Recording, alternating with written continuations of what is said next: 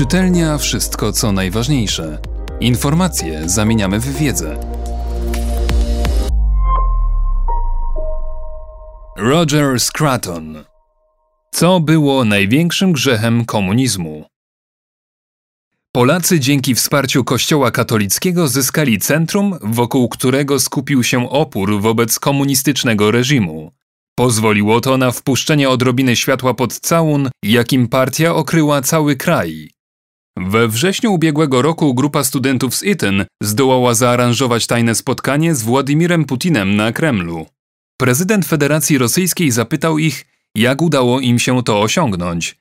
Studenci odpowiedzieli, że nie organizowali spotkania przez swoją uczelnię, ale dzięki współpracy z wieloma organizacjami, do których należą. Putin zdziwiony zapytał: Jakie to organizacje?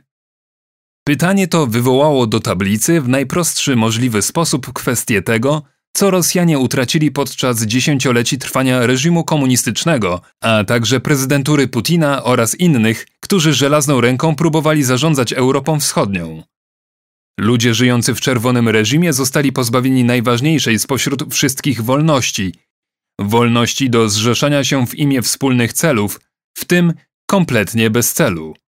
Pytanie to przywołało również problem tego, czym obywatele świata anglosaskiego cieszą się w szkołach takich jak Eton, która nie jest jedynie prywatnym stowarzyszeniem ludzi oddanych edukacji i pozostających poza ścisłą kontrolą państwa, ale jest też dachem, pod którym miejsce dla siebie znajdują setki mniejszych inicjatyw, kluby, stowarzyszenia, grupy studenckie, teatry, fundusze elementy zdrowego, normalnego społeczeństwa obywatelskiego.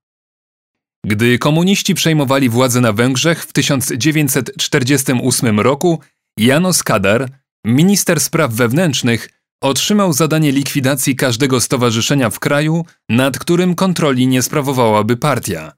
W ciągu zaledwie roku zniszczył w ten sposób ponad 5 tysięcy organizacji. Kościoły, szkoły, organizacje religijne i dobroczynne, po których przyszła kolej na drużyny sportowe, kluby szachowe, orkiestry, grupy teatralne, instytucje kobiece. Wkrótce krajobraz życia społecznego stał się całkowicie martwy. Nie przetrwała żadna organizacja obywatelska. Zakładanie prywatnych fundacji charytatywnych stało się nielegalne. Nie było też żadnej grupy ludzi, której wolno byłoby przechowywać fundusze na rzecz pomocy innym. Wszystko musiało być zatwierdzane przez partię komunistyczną, która zawłaszczyła wszystkie wysiłki obywatelskie i użyła ich do osiągania swoich własnych, partykularnych celów. Czechy i Słowacja również utraciły swoje obywatelskie dziedzictwo. W krajach tych nie uchowała się żadna organizacja o charakterze edukacyjnym, poza tymi, które miały charakter tajny i których twórcy ryzykowali więzienie w przypadku ujawnienia działalności. Polacy dzięki wsparciu Kościoła katolickiego zyskali centrum, wokół którego skupił się opór wobec komunistycznego reżimu. Pozwoliło to na wpuszczenie odrobiny światła pod całun, jakim partia okryła cały kraj. Katolicki Uniwersytet Lubelski zachował swoją niezależność, choć został całkowicie pozbawiony funduszy. Ośrodki religijne wciąż mogły oferować pewną formę ukojenia dla wiernych. Polacy mimo to ucierpieli jednak od rozkładu społeczeństwa obywatelskiego, który nastąpił wskutek działań partii.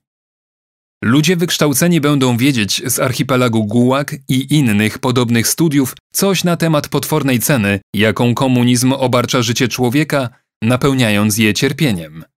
Będą wiedzieć o ludobójstwach i niewolnictwie całych populacji. Czytelnicy doktora Żywago będą świadomi natomiast totalnego chaosu, który był nieodzowną konsekwencją przejęcia przez bolszewików władzy w Rosji, gdy wszelkie prywatne inicjatywy zostały zakazane pod groźbą odpowiedzialności indywidualnej. Wielu ludzi, pochylając się nad tą katastrofą, dostrzeże nieobecność rządów prawa, która była nieuchronnym następstwem wejścia w życie totalitarnego projektu zarządzania, a zarazem stała się przyczyną niemożliwych do naprawy pęknięć i wyłomów w społeczeństwie, które wkrótce dały o sobie znać. Nie wszyscy jednak są świadomi tego, że komunizm był atakiem na społeczeństwo obywatelskie, ani też nie zdają sobie sprawy z konsekwencji, jakie reżim przyniósł porządkowi politycznemu czy społecznemu. Lekcja, którą dała nam rewolucja bolszewicka, wciąż pozostaje nieodrobiona. Różnica pomiędzy państwem i społeczeństwem obywatelskim została nakreślona wyraźnie przez Hegla. Marx miał ją z tyłu głowy, gdy argumentował, że w komunizmie zobaczymy rozkład państwa.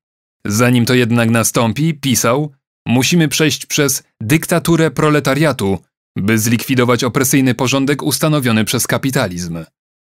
Ten nonsens był nieustannie powtarzany przez komunistów. Legitymizowali nim zarówno destrukcję społeczeństwa obywatelskiego, jak i wzrost znaczenia państwa, ale też usunięcie i trwałe zniszczenie wszystkich ram prawnych i moralnych, które oddzielały jednostkę od partii. To podstawy, na których zbudowane zostało komunistyczne zniewolenie. Jednostki pozostawały w izolacji i samotności w roli, jaką wyznaczał im aparat państwa. Praca, miejsce zamieszkania, możliwości życiowe i edukacja były kontrolowane odgórnie, a oko wielkiego brata podążało za człowiekiem wszędzie. Normalne formy spędzania wolnego czasu w pubach, klubach i na zajęciach edukacyjnych, w kościele, w harcerstwie, w formacji muzycznej stały się albo nielegalne, albo bardzo niebezpieczne. Jeśli ktokolwiek znalazł się w potrzebie, nie było żadnej grupy, która udzieliłaby pomocy jednostce. We wszystkim, co dotyczyło jednostkowego przetrwania, komfortu, życia, funkcjonowania, człowiek był pozostawiony sam sobie. To właśnie jest w moim pojęciu największym grzechem, jaki w sercu nosi komunizm. Grzech izolowania ludzi od siebie nawzajem z reflektorem skierowanym prosto w twarz, by spokojnie obserwować, jak upadają. Czytelnia Wszystko co najważniejsze. Czytał Mateusz Mleczko.